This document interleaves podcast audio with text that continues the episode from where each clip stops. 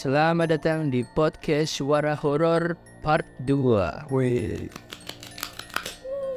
Hmm, Ya kita akan melanjutkan Cerita dari Abang Aris. Kalau yang kemarin terakhir itu cerita live-livean dan yang ada di dalam gedung kampus. Ya Terus yang ini itu ada kejadian pas udah semester berapa ya ini ya Kira-kira semester 4 kalau nggak salah Jadi itu ada gedung terpisah buat uh, beberapa UKM sama organisasi semacam BEM atau DPM gitu. Jadi terpisah dari gedung utama. Nah, ini ceritanya pas aku mau rapat organisasi itu sekitar jam setengah tujuh malam, habis maghrib lah. Itu udah siap-siap dalam ruang sekret, udah duduk tuh, udah siap-siap membahas. Bahkan ketua organisasiku itu udah buka rapatnya. Tiba-tiba dari ruang sebelah ruang sebelah itu ruangannya UKM Paskib jadi ya benar-benar bersebelahan gitu. Terus temboknya bukan tembok beton gitu tapi triplek gitulah. Jadi suara itu pasti langsung Kedengeran. terus langsung kedengeran. Terus tiba-tiba ada suara cewek teriak teriak-teriak nggak jelas gitu semua yang ada dalam ruangan sekretku itu panik terus keluar ngecek ke UKM Paskib itu kenapa Hmm. soalnya anak organisasiku itu akrab banget lah sama anak paskib. Ternyata setelah ke sebelah itu ada salah satu anak paskib yang dia baru aja selesai sholat tapi dia kesurupan. Wah. Waduh. Terus selanjutnya jadi eh, dia kesurupannya itu lumayan lama. Ada kisaran mungkin satu jam satu setengah jam. Hmm. dari mau rapat yang akhirnya batal dari setengah tujuh selesai itu baru sekitar jam 8 jam 8 lebih lah. Awalnya si anaknya itu berhasil tenangin udah berhasil kayak yang di dalamnya itu udah berhasil mau dikeluarin gitu. Tanpa manggil orang yang emang biasanya nangani masalah itu di kampus. Oh, berarti itu yang nangani ya mahasiswa-mahasiswa itu. masuk Internet itu ya kating katingku lah nangani dulu udah kayak dia mau keluar gitu udah ternyata dipikirnya itu dia yang di dalam itu mau keluar nggak berselang lama cuma lima menit ternyata balik lagi ke dalam anak cewek itu ternyata cuma bohongan yang sebelumnya Gokil. Di prank kali ya. di prank jadi anak cewek itu nggak cuma teriak-teriak aja nggak cuma kayak nangis aja tapi tambah ketawa cekikikan gitu Astagfirullah. Oke. Itu masih ditangani sama mahasiswa sama kating-katingku lah. Dibacain doa segala macam dicoba dikeluarin gimana. Ternyata itu nggak bisa. Akhirnya manggil salah satu satpam yang jaga sana dan satpamnya itu emang yang biasa nanganin masalah ginian. Memang biasa. Aja di berarti konteksnya emang Wes. nah beberapa kali terjadi. Kali ini cuma pas aku di situ aku nggak tahu mungkin aku nggak tahu ya. Iya, iya. jadi satpamnya itu dipanggilin bapaknya datang ke sekretnya paskib Oke. buat nangani si cewek ini. Sama ditangani itu justru nanganinya lebih dari setengah jam. Soalnya itu nggak keluar keluar bapak yang ahli yang biasanya nangani ini malah nggak bisa. Nggak bisa ngeluarin. Biasanya bisa. Padahal bi- kasus tersebut di kesulitan. cuma kenapa di kasus ini kesulitan makanya mulai dicari tahu tuh dari situ kira-kira yang masuk ini penunggu yang mana? Soalnya yang beringin di kampus itu ada tiga kalau nggak salah. Ada tiga pohon beringin dan Masing-masing ada penunggunya. masing-masing ada penunggunya dan Ke itu dicurigai semua. Iya iyalah. Terus yang dicurigai itu nggak cuma penunggu beringin tapi bisa jadi yang dari dalam gedung itu tiba-tiba keluar. Nah akhirnya ada lagi bapak PU ya petugas kebersihan itu petugas umum yang ternyata udah emang lama banget di kampusku itu kayak udah sepuh lah senior bapak ini emang biasanya nangani masalah gini dan lebih expert daripada satpam tadi ada dua orang berarti. Ghostbuster cerdas. di tangan bapak itu datang ternyata sebelum bapak itu nyampe masuk ruangan sekretnya yang di dalam itu udah keluar kayak ketakutan Gokil. sama si bapak ini Misalnya udah senior bro. Udah serius dia sebelum si satpamnya nak ikut nangani juga si bapak PU ini dia yang biasanya nge-handle. Yang ada di kampus. Ya backingannya satpam. Backingannya satpam lebih kuat. Nah pas udah keluar tetap bapaknya datengin si anaknya anak cewek yang kesurupan ini. Dipastiin lagi. Dia itu siapa dari mana asalnya? Oke. dipastiin. Ternyata ketemu salah satu penghuni pohon beringin yang ada di kampus. Tapi kok bisa jawab? Mesti kat- katanya udah keluar. Kan maksudnya orang yang bisa nangani kayak gitu punya punya kemampuan dia bisa ngelihat gitu cuy. Bisa tahu gitu, bisa ngerasain di mana. Asal dia larinya ke mana. Oke oke. Setelah si makhluk itu keluar, si makhluk itu nggak langsung balik ke tempatnya, tapi masih ada di sekitar gedung sekrep itu. Sama si bapak itu dipaksa balik ke pohon beringinnya. Tempat wall ya. Pohon beringinnya itu ternyata pohon beringin yang ada di dekat sama di dekat musola, dekat masjid. Oh, Jadi kronologi awalnya itu ternyata si anak cewek ini setelah sholat maghrib dia itu jalan ke sekret lumayan lah jalannya ada kali 100 200 meter. 100 meteran lah. Dari masjid ke gedung sekret itu emang ngelintasin bagian belakangnya kampus yang emang itu tempat gudang-gudang gitu lah. Pokoknya gelap terus di situ si anak cewek ini ngakunya udah ngerasa kayak nggak enak badan gitu. Kayak ya udah nggak beres lah. Iya. ternyata emang si yang masuk ini yang masuk ini cewek. Di dalam si anak cewek ini mungkin miski dan dia itu ternyata niatnya katanya pengen main Iya. oke. Mereka niat dia itu niatnya sering digunakan oleh mereka. iya benar pengen main. Tapi akhirnya mereka ya sama si bapak PU ini dikembaliin dipaksa ke si pohon beringin itu.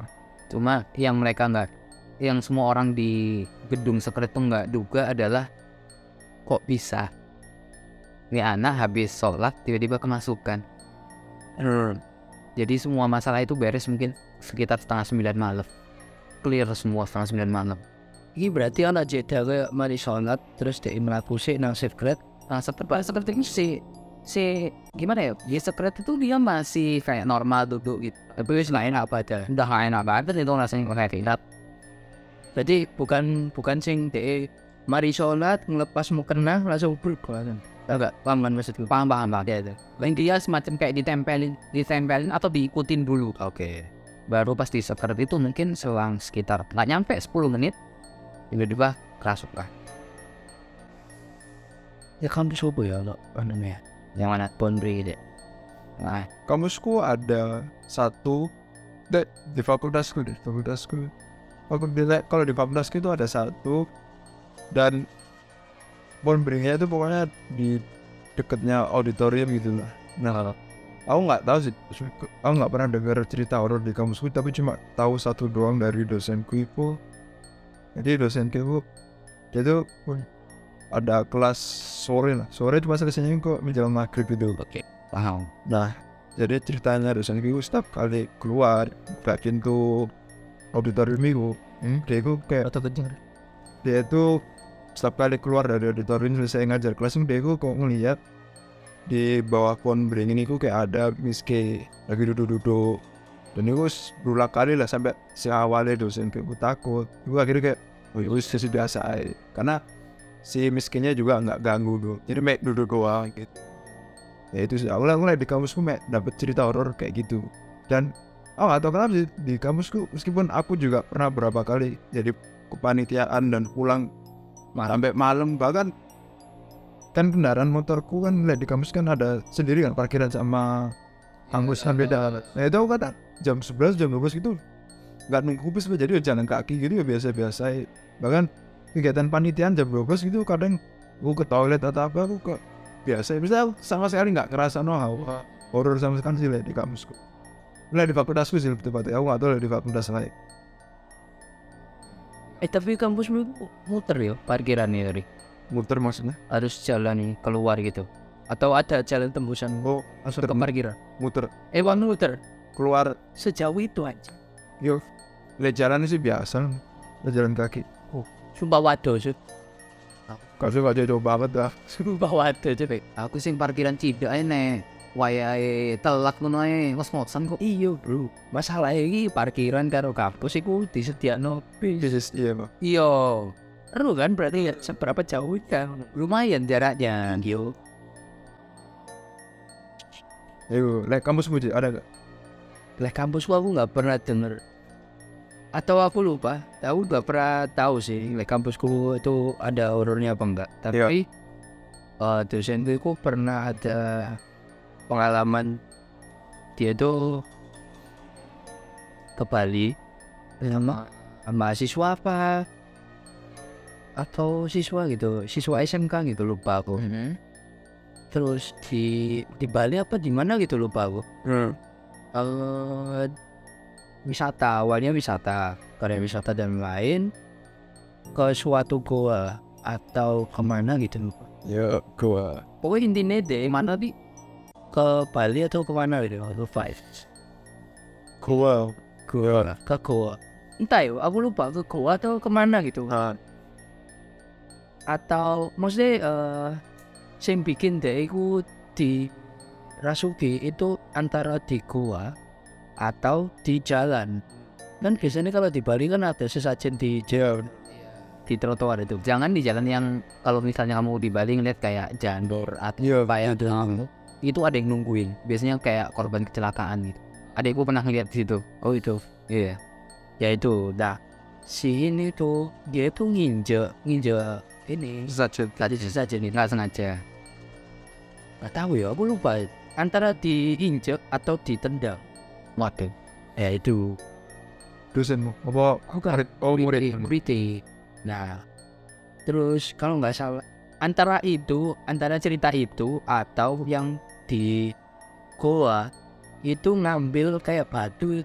Oh ya pak abang ambil barang itu nih atau daun gitu buat ya wis buat anu lah buat apa souvenir. Iya iya iya. yang harusnya enggak. Nggak boleh diambil. nggak penting gitu loh buat diambil. Ngapain sih diambil gitu kalau kita gitu? Iya. Ya dia diambil. Terus kemarin dia itu pulang ke Surabaya. Wah anjing. Terus kerasukan di Surabaya? Iya di Surabaya. Kerasukan. Dipanggil apa yang untuk menetral iya aliran ah Pak Ustadz dan lain itu nggak bisa. Dan dia ngomong Disuruh balikin. ah suruh membalik hidup Bali cu iya terus sampai sampai itu padahal dia itu Islam sendiri sing anu itu Islam. Terus habis itu eh wah ini ketane bukan ranah kita deh. Coba dibawa ke Bali lagi un- ke ini nih ke apa nih enak suku. Oh iya. Apa Pak agama? Apa Pak agama nih daerah situ. Terus dibilangin kayak gini-gini wah iya ya udah sampai dia dibersihin. Hilang berarti itu dibawa ke Bali lagi? Nah dibawa lah ke Bali lagi. Itu apa lah aku dulu itu sama keluarga aku di pantai. Cuma aku lupa pantai mana gitu. Terus bisa ke pantai terus kan ada rumah makan rumah makan kayak ikan bakar ikan bakar. Jadi asing sana ke pan langsung dibakar di sana naik. Makanlah itu eh kita keluarga makan di situ itu udah hampir mau maghrib udah mau pulang. Ayahku itu tiba-tiba hampir mau ngambil kayak batu-batu gitu loh. Oke. Terus tiba-tiba ditegur sama bapak yang di rumah makan itu yang bagian ngipasi gitu. Ditegur jangan apa jadi ambil si bapak yang nenggur itu bilang "Per- apa sudah sering kejadian di mana ada orang ngambil batu itu kayak balik. Jadi bakal tersesat. Bakal jenazah pulang jalan jadi kamu mau ke mana pun pada akhirnya bakal tetap aja balik ke pantai di sampai akhirnya kamu harus nembanin batu itu baru bisa pulang. Itu ternyata itu satu minggu sebelumnya salah itu ada kejadian kayak gitu ada orang ternyata ngambil batu pulang. Nah kenapa itu setiap kali pulang dia itu kayak kayak di kesasaran dan nak besar udah balik lagi ke situ. Paham, paham. sampai malam gitu bingung. Akhirnya tanya orang setempat oh ya gue disuruh ngembalin batu. Ya gue pak. Aku langsung gak jadi ngambil batu. Meskipun di satu sisi aku orangnya kan harus skeptis. Iya. Ya itu kan menghormati aja. Iya. Soalnya percaya nggak percaya kata ah, orang yang bisa ngeliat kadang di beberapa di beberapa tempat tuh kita ngeliatnya biasa kayak pantai atau gimana kayak Iya. gua. Cuma mereka yang punya kemampuan itu yang bisa ngeliat bentuknya itu malah tempat tuh kayak seperti sebuah kerajaan malah iya iya, bener jadi apa yang ada di bukan kayak depannya kerajaan itu malah udah dalamnya. Dan barang yang kita yang diambil itu malah buat mereka itu sesuatu yang berharga. Makanya bakal diikutin terus. Itu karena rasanya kan itu barang kita. Konteksnya kayak kita mencuri iya kita mencurinya konteksnya kayak gitu. Itu nggak sih apa katanya tuh kan? Eh, kerajaan-kerajaan yang di pantai-pantai itu kan ceritanya emang mereka udah lama banget di situ. Ya itu sebelum ada manusia itu kan mereka udah nempati mak ceritanya kayak gitu. Di Bali sih biasanya sih pantai ya. Kalau misal pindah sepengetahuanku aja pindah ke kayak ke Jogja gitu. Jogja itu punya dua apa ya bilangnya dua penguasa alam yang alam sebelah. Itu ada di pantai selatan sama di gunung di utara. Ya ya. Jogja itu punya gitu. Dan dua alun-alun itu alun-alun utara sama alun-alun selatan itu penghubung buat tempat mereka. Aku pernah baca dari cerita orang itu emang punya kemampuan dan dia itu keturunan dari tanah Jogja sana. Leluhurnya itu pernah berhubungan sama yang di daerah Gunung Utara sana. Jadi dia tuh di semacam dikasih tahu gitu kalau di utara sama di selatan itu ada. Dan sosoknya beda-beda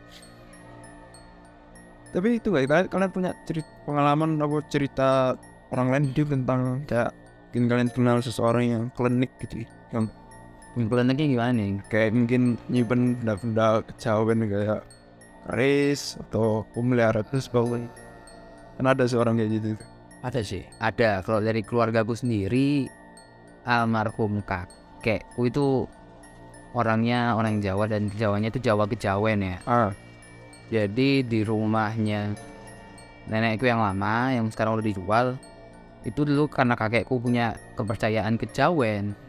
Jadi di bawah lantai rumah itu sempat ditanemin barang-barang yang memang itu kata orang Jawa dulu bisa kayak menangkal. Oh. Kalau menangkal terus biar nggak maling biar nggak masuk biar rumahnya aman dan ya sejenisnya kayak gitu. Itu ditanam di beberapa ruangan berbeda hmm. yang paling banyak kalau nggak salah itu ditanam di ruang keluarga Hmm. terus juga kakekku itu ya ruangan terdepan lah enggak justru ruang keluarga itu ruang tengah di ruang tamu itu justru nggak katanya pengakuannya nenekku itu nggak dipasang apa-apa Hmm.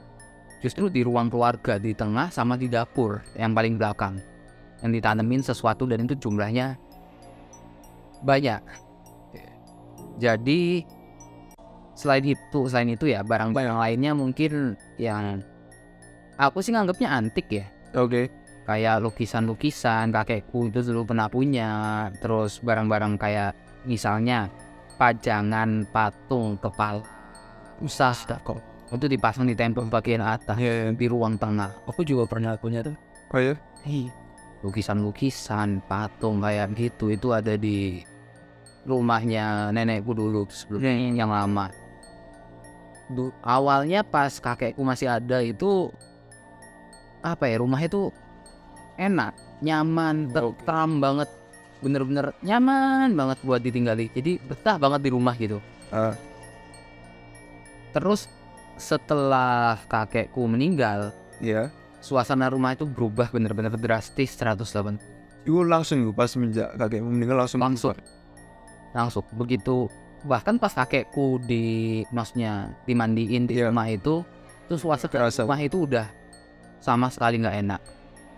Dari yang tak tahu oke. penunggu di rumah kakekku itu ada di di bagian teras di depan dekat kolam ik jadi model rumahnya itu kayak rumah lama punya dua pintu beda gitu kayak dua garasi gitu. Dia di antaranya dua garasi itu ada kayak semacam space. Space itu dimanfaatin dulu itu buat kolam ikan sama buat tempat jemur lah. Oh jadi di tempat jemur itu di depan kolam ikan itu di sana itu ada penunggunya. Satu. Terus kedua kan garasinya ada dua. Anggaplah garasi kanan sama garasi kiri. Di garasi kanan itu masih dipakai soalnya kan buat parkir mobil sama dapur ada di situ sedangkan di garasi kiri ini itu sebenarnya parkiran mobil tapi juga kita langsung tembus ke gudang. Gudangnya kakekku hmm, so. Langsung. Di depan gudang itu ada satu yang jaga. Di dalam gudang itu ada yang jaga juga. Terus kalau nelusurin gudang sampai terus mentok itu dulunya tuh tempat yang dipakai buat kayak cuci-cuci piring gitulah. Ah. Tempat cuci nah di tempat cuci yang paling pojok ini terusannya tembusannya gudang ini itu ada satu penunggu yang katanya paling kuat di rumah itu. Ya Allah banyak banget. Dari, Iya. dari tempat cuci itu bentuknya ke kiri bentuk letter L gitu. Itu langsung nyambung ke bagian belakang rumah bagian belakang tempat nyimpen barang lah gudang gitu. Gudang itu ada yang taruh di bawah sama di atas. Jadi atapnya sepanjang lorong itu bisa dibuka buat nyimpen barang. Di sepanjang lorong itu itu ada yang nunggu juga sama di atasnya tempat nyimpen barang Oke. Terus kalau setelah keluar dari tempat itu langsung ketemu kamarnya eh kakekku sama nenekku, terus ada kamarnya itu saudaranya nenek. Ah. Jadi berhadapan gitu kamarnya. Di antara kamar-kamar itu ada ruang ta- ruang makan, meja makan. Nah di bawah meja makan tuh ditanemin sesuatu.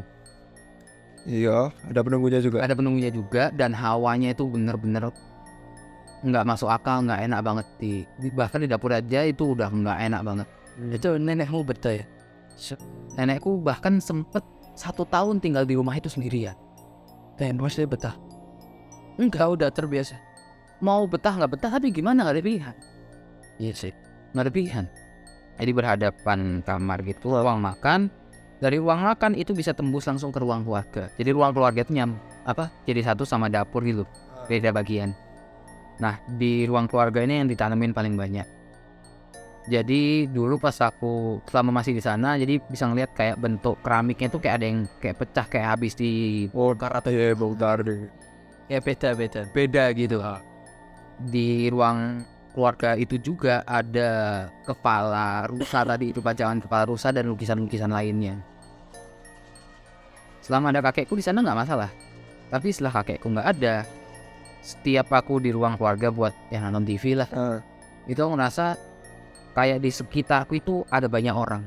Ya kayak penuh lah. penuh banget terus ada yang ngeliatin dari arah dapur. Di ruang dekat ruang di ruang keluarga itu bahkan masih ada musola. Hmm, tapi di musola itu juga ada penunggunya. ada penunggunya juga. Tapi setahu biasanya cerita-cerita kayak gitu kan emang itu gak sih apa? Eh, ketika orang yang menan atau orang yang memiliki kuda. Gal biasanya kan emang Gak ada. iya dan di satu sisi kalau nggak salah biasanya like, dari cerita-cerita ini ketika orang yang iku yang punya eh, yang melakukan hal seperti itu meninggal biasanya kan dia nitip pesan sih biasanya kayak nanti urusan bendaku gitu. Ah, kayak kayak tuh nggak eh, ngasih pesan atau apa? Jadi seakan-akan yang ditanam itu ngerasa bahwa ini tempatku udah ngeklaim ini tempatku di kamar yang bisa tak tempati ya itu ada yang nunggu juga. Hah? itu anak kecil. Itu pernah kelihatan tapi bukan pas aku di sana. Jadi cerita gitu dari saudara yang lain nginep di sana di kamarku itu. Jadi maksudnya kamarku itu ada jendelanya. Tapi jendela itu kalau korden ini buka itu langsung ke gudang. Oh. Juga tadi ceritanya harus kayak penggambaran dari rumah Jogja nih sing harus dia dikain terus langsung ke gudang. Jadi korden itu nggak pernah dibuka sama sekali. Ya karena kami ada gudang. Nah sosok yang muncul ini pas saudaraku nginep di sana. Katanya dia ngelihat di tengah-tengah kasur itu ada anak kecil lagi duduk. Oke.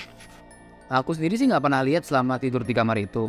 Cuma aku ngerasa bahwa setiap aku ngadep ke tembok tidur gitu, tuh kayak di belakang itu kayak ada orang.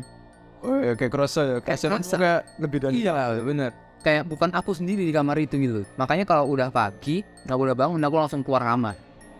Itu setelah kakek meninggal. Terus di seberang kamarku ini ada kamarnya omku. Kamarnya omku ini ada jendela, jendelanya itu langsung ke depan gitu, ke kolam ikan. Oh, Di kolam ikan itu kan ada penunggunya. Iya. oke Nah, itu pernah nampakin diri, hitam gitu. Malam Malam. ada yang ngeliat Ya ome, omku tataku ya sing ngeliat ya lupa aku. Pokoknya pernah kelihatan gitu, hitam gitu di depan, nampakin dirinya. Jadi seakan-akan satu rumah nenekku yang lama itu semua itu penuh sama makhluk yang kita nggak bisa lihat dan mereka tuh ngeklaim bahwa tempat itu tempat mereka. Jadi pas masih di rumah itu, misalnya habis keluar ya dari mana gitu, terus balik, balik harus balik ke rumah itu nggak ada keinginan buat balik ke rumah, karena udah ngerasa nggak nyaman di tempat kayak karena saking banyaknya penghuni lain di tempat itu. tapi sekarang masih ada yang tempat nenek apa udah? Udah udah dijual ya. udah dijual? Udah dijual. Sekarang sekarang udah udah nggak situ. Katanya rumah itu sekarang beritanya jadi kos-kosan kalau nggak salah. Wah itu temenan rumah Jogja Wah ini rumah Jogja Orang kos-kosan itu jadi kayak tahu kan ya bentuk rumah Bali yang model lama gitu. Tapi bukan yang kayak orang Bali yang kepisah-pisah gitu. Cuma rumah besar dengan ornamen-ornamen Bali terus bahkan pagernya itu motif naga gitu. Modelnya kayak gitu pakai kayu. Ya pintu pagar. Kayak gitu. Modelnya rumah horornya nenekku itu sampai sekarang nggak bisa lupa seberapa horornya itu rumah. Berarti horor ini muncul semenjak kakek. Kakekku meninggal iya. Soalnya kan kakekku secara nggak langsung pemilik dari apa yang ditanam. Iya.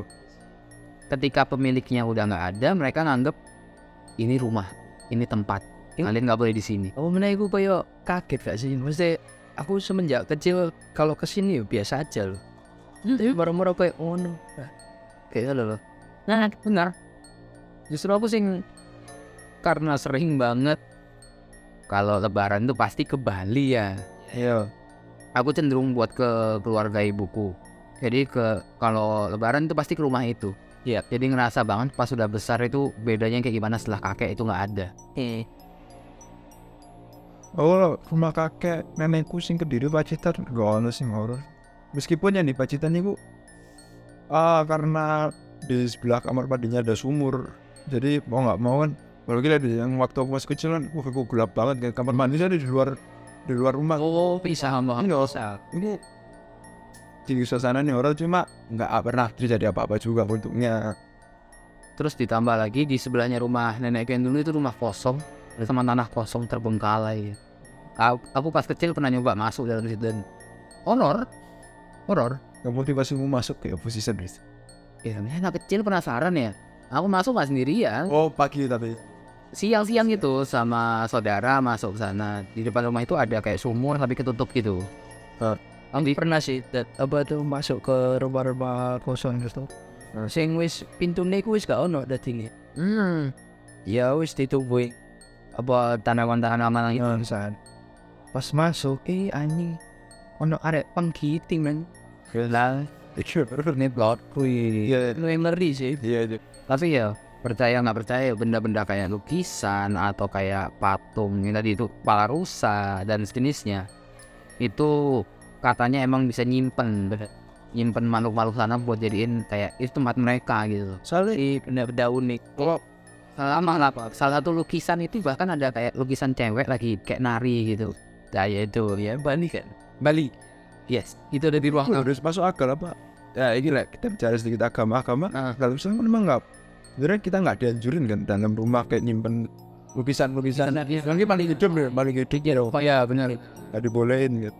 makanya aku kan dulu aku kan tadi bilang kan kalau waktu Aris bilang kepala rusak kan ah iya aku juga punya kan aku juga punya tapi semenjak papa mamaku pulang dari haji itu dijual Oh, di atau dikasih ke orang tuh lupa karena emang nggak boleh yang kayak gitu tuh. Dia tuh dapetnya tuh dari temennya waktu pulang dari mana ya?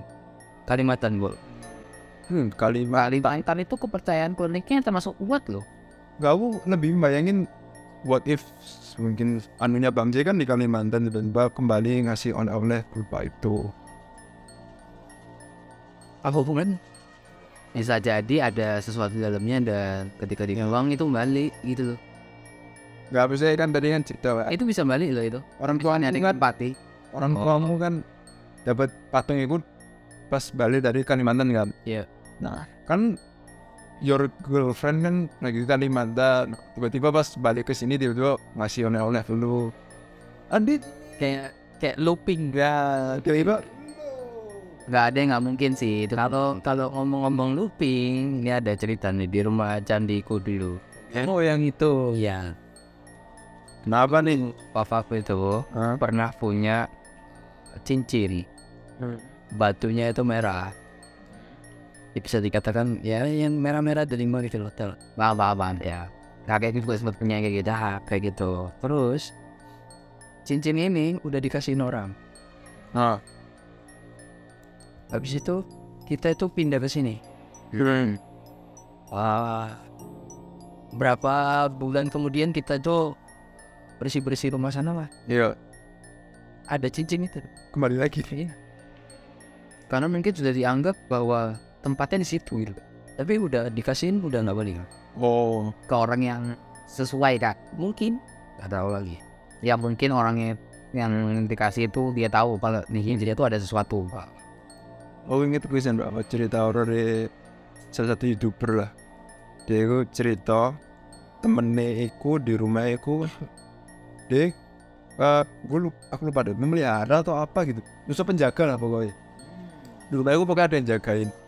Nah si pemilik rumah ini ceritanya lagi liburan. Liburan berapa hari gitu pas balik. Begitu masuk rumah itu ada orang. Mohon-mohon pak saya minta maaf kok nangis nangis dah minta maaf minta maaf. Bingung kan pemilik rumah. Akhirnya manggil ketua RT mana lah. Terus si orang yang dalam rumah itu cerita dia itu beberapa hari sebelumnya aku mau masuk mau maling. Sam berhasil masuk rumah udah ngambil TV ngambil apa gitu. Buka pintu. Pas dibuka pintu wah pintu keluar lah teras. Ya ya. Pas buka muncul pintu lagi. Buka pintu muncul pintu lagi buka pintu pintu. Dari stuck cuy. stuck berapa hari dari situ katanya sama yang jaga itu mungkin di iya. tahan di situ. Jadi makanya waktu si pemilik rumah datang kaget tuh kok ada orang di dalam rumah? Dan kondisi ini orang di dalam rumah? Kayak harus nangis nangis mohon mohon minta maaf gitu Pak. Sedih makanya itu kayak penjaga yang ini itu itu serem sih rumahku yang lama itu pernah dikasih penjaga gitu soalnya oh. Jadi paling tidak sih rumah awas sedikit penjaganya itu kenalan dari FS sama MS dulu kalau nggak salah. Oke. Jadi di rumah lama sekarang udah pindah rumah baru ya. Di rumah lama itu ya tipikal rumah pada perumahan biasa sih. Ada teras garasi dan sebagainya. Jadi pas masuk itu dulu itu sempat eh, rumah itu sempat kemalingan. Eh. terus lainnya alasan lainnya itu karena ada tetangga yang nggak suka sama EPS dulu. Oke. jadi sempat ngirim ngirim sesuatu. Serius tuh. Serius? Ay. masalahnya kena aku gak kena nang EPS ku. Kena nang aku. Oke. Dikirimiku kena nang ya ya.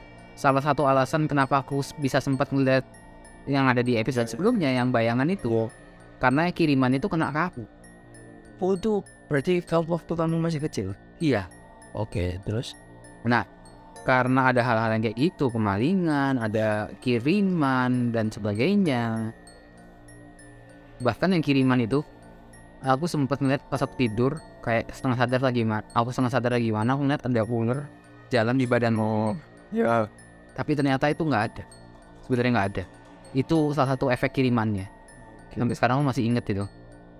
Nah karena yang ada yang kayak gitu EBS sama MS ini nggak tahu dapat kenalan dari mana.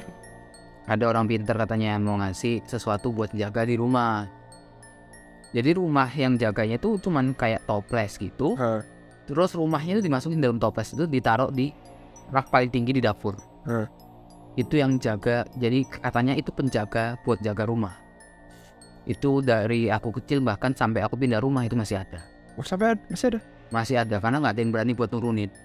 Gue berarti kan rumah lu kan mau dijual kan kosong kan? Itu toples masih di situ masih di situ. Kir. Nah sorry pas aku pindah 2020 itu itu kalau masalah sama tukang yang buat bersih bersih itu udah dipindah. Oh dari pindah itu dibuang. Tapi itu mungkin jangkanya kira-kira dari 2003 2004an Hmm. sampai 2020 katanya itu buat jaga rumah dulu katanya seperti itu. Ternyata efeknya lain.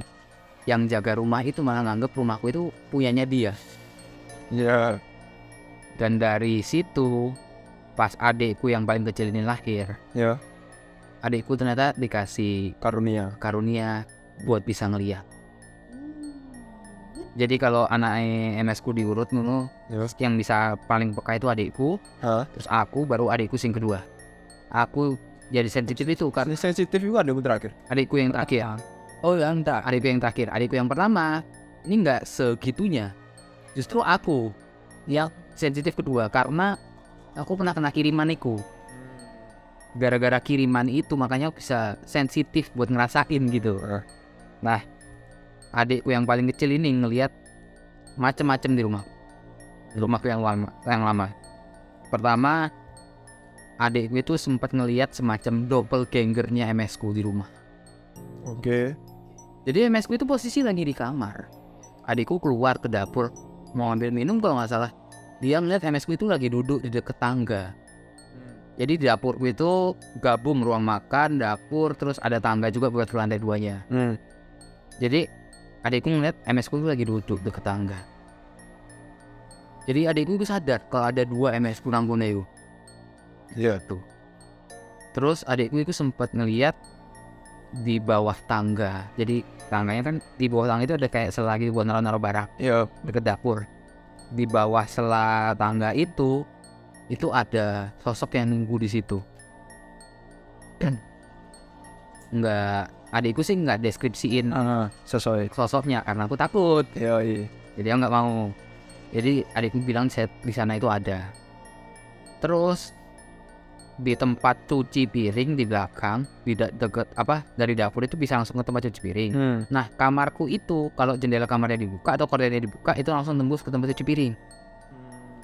Di tempat cuci piringnya itu tuh ada sosok yang nungguin juga, tinggi gitu, besar. Eh, tapi pernah nggak terus eh, lu tanya apa kita dulu cerita kayak ciri-ciri ru- suatu ruangan atau rumah itu kayak ada penunggunya itu pernah nggak kayak ciri-cirinya kayak gimana? Kalau adikku sih bilangnya semua tempat itu ada. Cool. ada yang nungguinnya. Cuma tinggal orangnya aja bisa ngerasain apa enggak. Setiap tempat itu ada, cuman itu aja clue-nya dikasih. Setelah itu adikku nggak mau membuka. Bahkan tak paksa pun, tak berani diri pun adikku nggak mau membuka.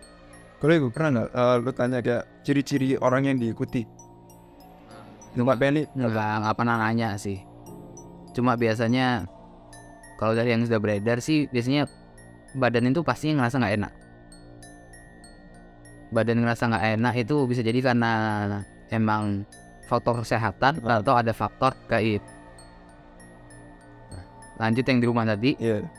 yang di rumah tadi tempat cucian itu jadi atasnya itu tembus langsung keluar gitu loh. Ah. Tapi ditutupin sama kayak fiber gitu lah Hmm. buat nutupi tapi cahaya tetap bisa masuk kan nah di tembok buat di tembok agak atas itu kayak ada semacam celah atau lubang udara atau lubang apa gitu. Aku nggak tahu itu fungsinya buat apa. Bahkan MS ku nggak tahu lubang itu. Siang men eh sore menjelang maghrib aku sempet noleh ke atas iseng-iseng buat ngeliat di atas. Masih terang atau enggak? Pasti. Ini berawal dari keisangan ini tiba-tiba lah muncul udah di atas itu aku ngeliat kepala lagi gini bang Samuel. itu hitam. Aku cuma ngeliat sekilas. Ada kepala lagi gini Ya. terus adikku sempet ngasih tahu kalau di lantai dua itu ada tempat jemuran kan sama kamar di tempat jemuran itu ternyata ada penunggu ya penunggu ya itu kuat tinggi besar warna hitam Mr. K Tapi itu nggak ganggu. gak ganggu Oke. tapi aku pernah beberapa kali ngerokok kono Oh. Iki rumah lama rumah lama oh iya di atas itu ada Mr. G yang boy besar gitu Lu, lu waktu itu ngerokok kondisi udah tahu ada atau belum? jadi pas udah tahu langsung diem kayak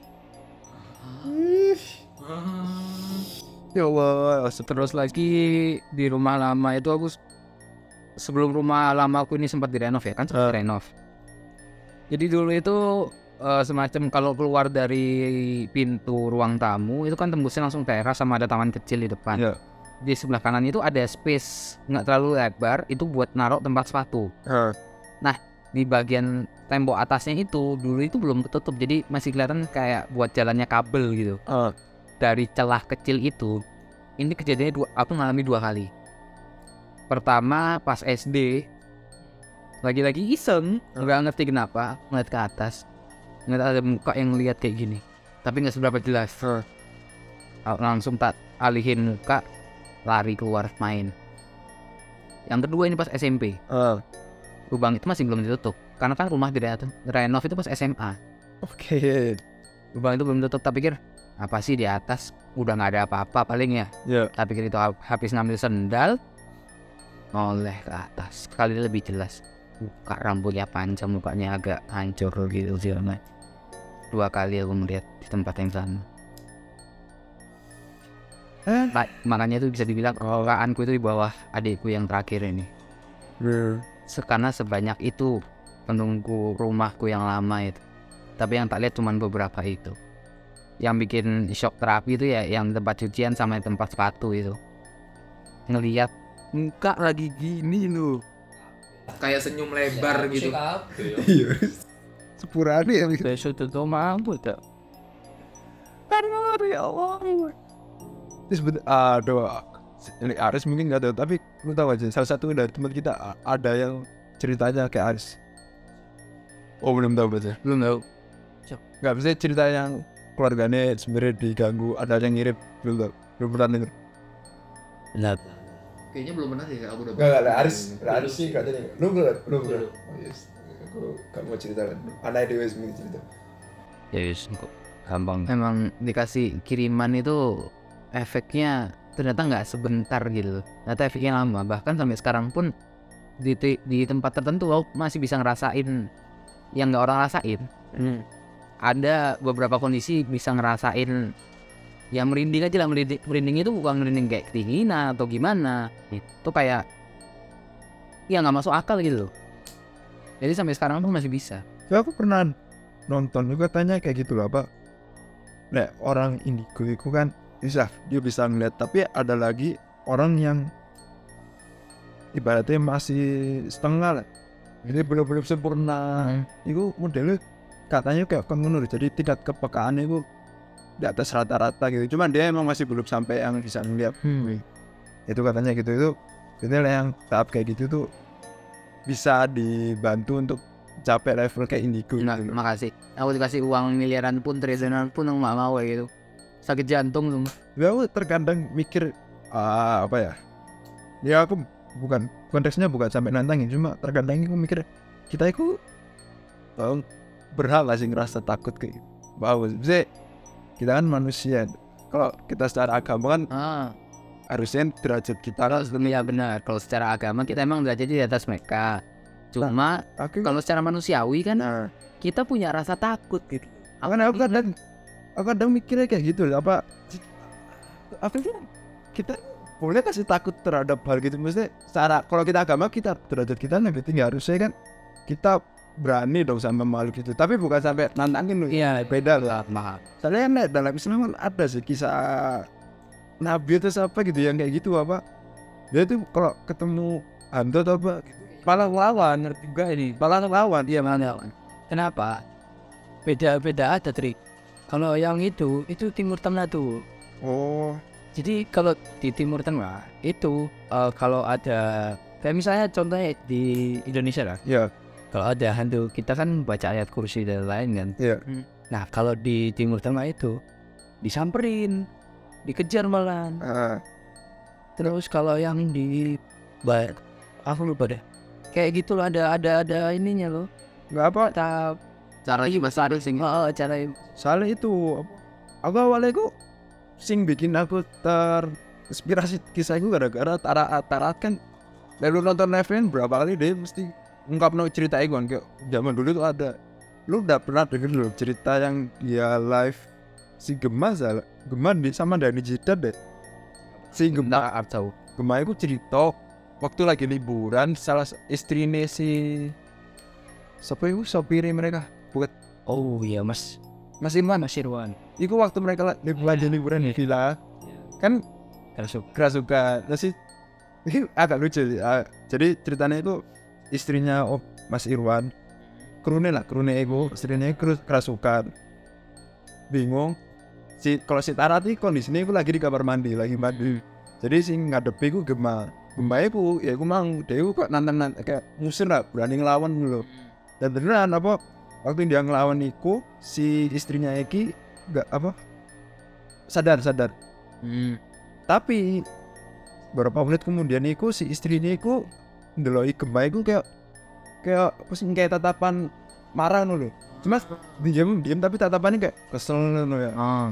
kesel terus berapa menit kemudian masuk lagi gemah iku ngusir mana ngelawan ngelawan mana kayak kayak ya itu kayak ngelawan ya.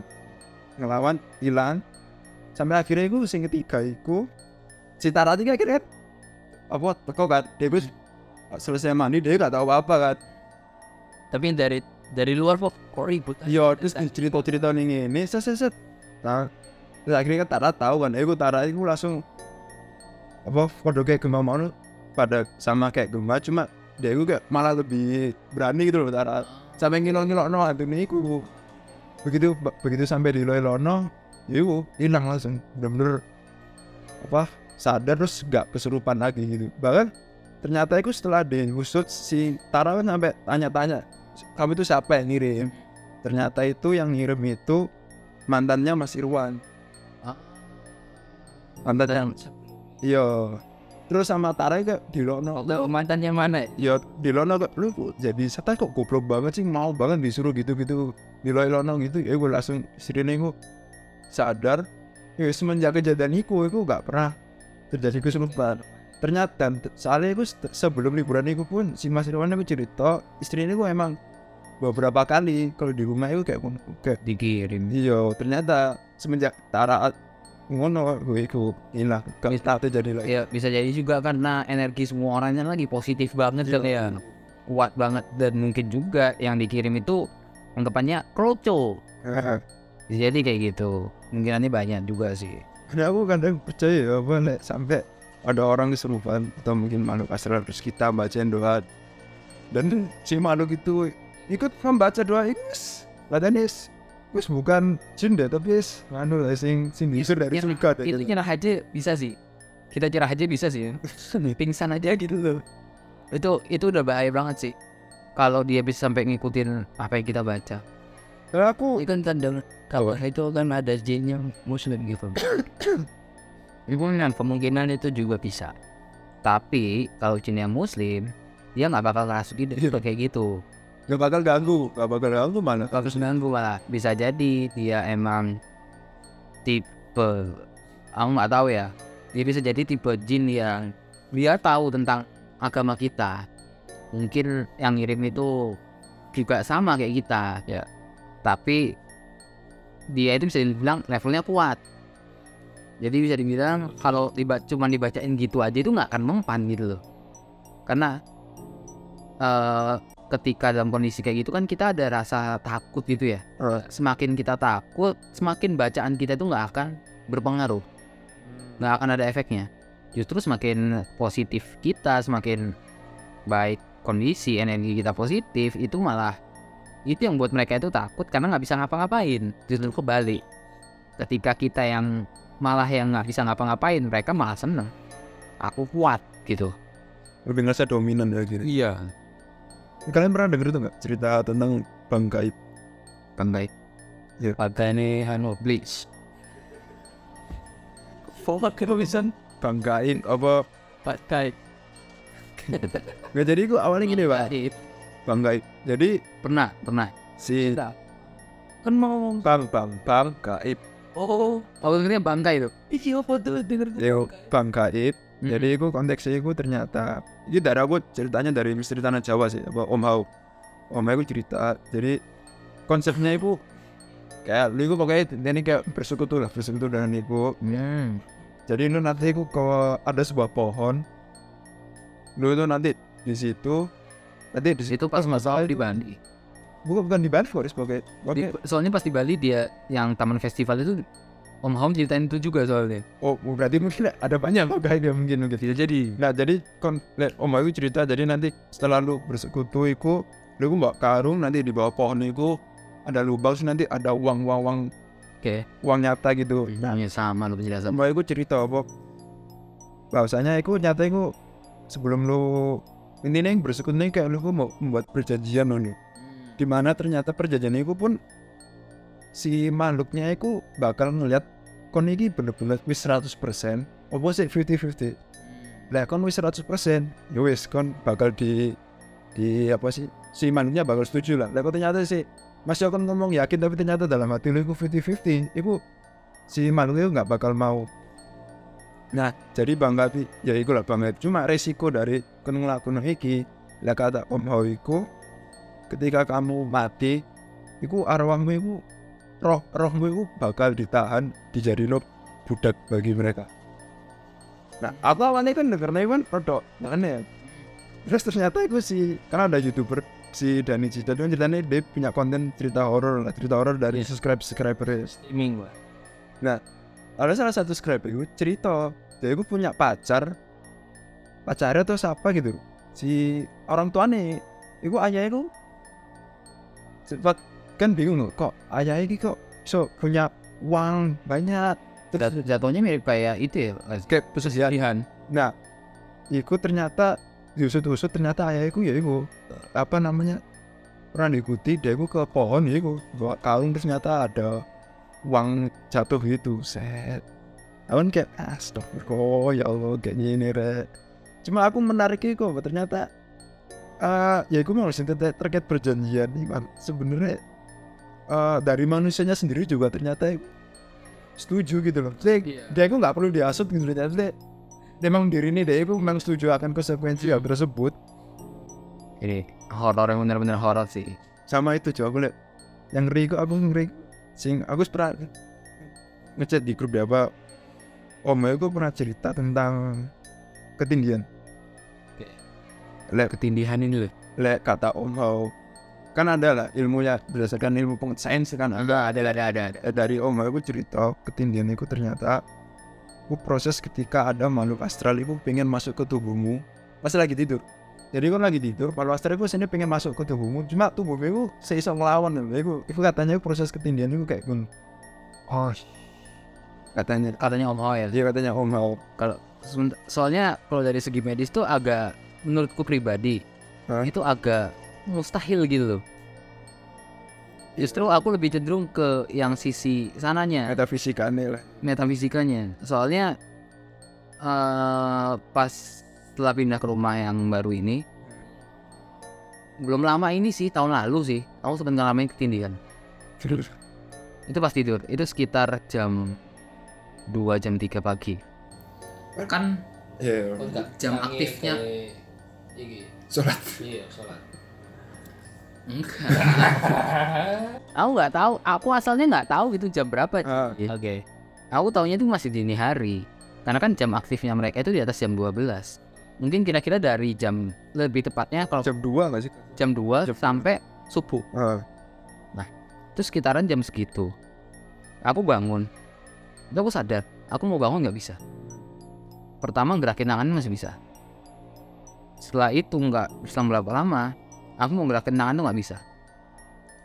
Selang lagi berapa mungkin nggak sampai semenit cuma beberapa detik tiba-tiba nafas gue tuh kayak ngos-ngosan gitu kayak sesek banget kayak ada yang nahan gitu Ya. Kayak- itu sih aku udah nggak ngerti itu ini karena kayak penjelasan yang secara sains medis atau yang karena yang mana soalnya kalau nggak salah sih berdasarkan medis kan salah satu faktornya karena katanya kecapean gue sih ah dan waktu Mas, makanya kan agak galau cerita awalnya. Aku ya pernah ngalamin ketinggian waktu kecil. Jadi gue kondisi kau gak gak pegel gak over tapi tiba-tiba ketinggian naik. nah yang kemarin tuh nggak capean sama sekali bener-bener ya udah tidur nyaman gitu tiba-tiba kebangun Wah, ada juga yang ngomong kalau itu adalah saat di mana jantungmu itu berhenti beberapa detik. Makanya kan aku ngerasa kabeh itu ke sesek.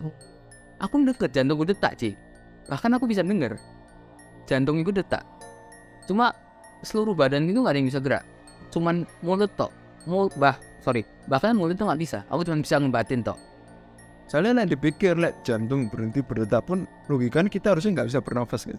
iya. Tapi kita kalau ketinggian itu kita bisa bernafas cuma kan kita kayak kaku sekaku gitu. Pilihanku waktu itu cuman baca doa. Waduh. Baca doa segala macam ada kali itu yang tak rasain tuh sekitar kayak 15 menit ha. Selama ketinggian itu. selama ketindihan itu. Baca doa baca doa baca doa wis pokoknya selama baca doa itu aku pasrah udah pasrah apa pun yang terjadi sama aku. Ternyata lepas. Jadi ini sama iki apa? Kita terakhir lah mungkin oh, masuk sih. Masuk akal nih terakhir aku dari Om Mau juga. Kita semua tahu lah kan eh cewek itu kan kalau ngebuang softteknya kan ada bekas itunya siapa? Kayak darah-darah. Hmm, walaupun udah dibersihin juga. Itu kan ternyata kan like kata Om Mau kan lek kamu ngebuang sembarang itu sebenarnya lek kamu punya penglihatan itu sebenarnya itu miske itu bakal datangi softtek itu buat kayak jilat jilat apa ngirup jilat jilat jilat iya Aku pernah dengar itu juga di salah satu episode jurnal jurnalisme. Nah, itu kan cewek. Ternyata lek kata mau, lek cowok itu juga bakal ngalami hal tersebut. Cuma bedanya, lek kan ngebuat itu sperma. Jadi om itu cerita, dia kan eh menelusuri gedung bekas apa gitu di kamar mandinya. Itu kayak ngeliat banyak sosok-sosok miske sisan. Jadi diusut ternyata dulu sebelumnya itu banyak cowok-cowok gunanya kamar mandi itu kayak buang sperma di mana kata om oh ternyata sperma yang kita buang itu itu tetap mengandung kayak semacam energi gitu di mana energi itu Anaknya Miski. bisa diserap di mana itu nanti bisa jadi Ya, aku nggak pernah denger gitu. Ya itu sih gua aku kayak Berhenti, Riz. ya Oke, berhenti ya, Riz. Jangan dilanjutin yang kayak gitu, Riz. Apanya? Itu tadi. Nggak pernah lu. Bukannya anda ya? oh mungkin maksudnya Aris itu nggak pernah di kamar mandi tapi mungkin Sama garasi Pantesan yang kamarnya dikunci. atau mungkin di garasi Kok nyambungnya ke sana lagi? make sense make sense rumah Aris tadi kan cerita sebelumnya banyak penunggunya di beberapa tempat hei, hei. Hei, ya. Hai, hei, hai, hei, hai, hei. Ah, saya merasa nggak aman bercanda dari Iya. Sangat nggak. Masalahnya di rumah aku. ya itulah episode Episode penutup episode penutup part 2 ini. iya, iya. bersama Aris sang haji Riri Aris tak kayak kesempatan spesial Aris kan mau ngasih judul apa nih episode yang horor ini Aris Horor apa ya? Ayo dong Serang kalian lah kan kalian kreatornya. Tuh, aku ngasih Saya kan kesempatan bintang tamu. ngasih kes- ngasih kesempatan ke kamu barangkali lo punya usul atau apa Mungkin bisa disamain sama episode sebelumnya aja kali ya. apa ada cinta ada cinta di SMA. Loh. Kan yang sebelumnya horor juga. Iya. Ada cinta di SMA kan udah lewat banyak ya? Iya, sudah lewat ya. Iya, PTW ini kan ini kan berarti jalannya udah dua minggu set puasa kan? yang part 2 ini Iya, berarti ah selamat berbuka puasa bagi yang mendengarkan. mohon maaf nih kita tayangnya pagi ya kok berbuka puasa upload it kan jam tujuh aja Ya enggak, siapa tahu selamat berpuasa. oh Ah, selamat berbuka puasa yang dengernya pas puasa gitu. itu mah yang horor kita apanya jam habis maghrib aja isi gokil lah hari gue. Ya itulah episode kali ini. Terima kasih yang udah, udah, mendengarkan dan terima kasih juga buat Aris udah menceritakan ceritanya yang masya Allah. Oke, bangke di rumah gua. dan aku harus masih harus pulang lagi di rumah sama Aris. Harus juga perjalanan pulang. Ya doakan kita semua selamat masing-masing. Eh bye bye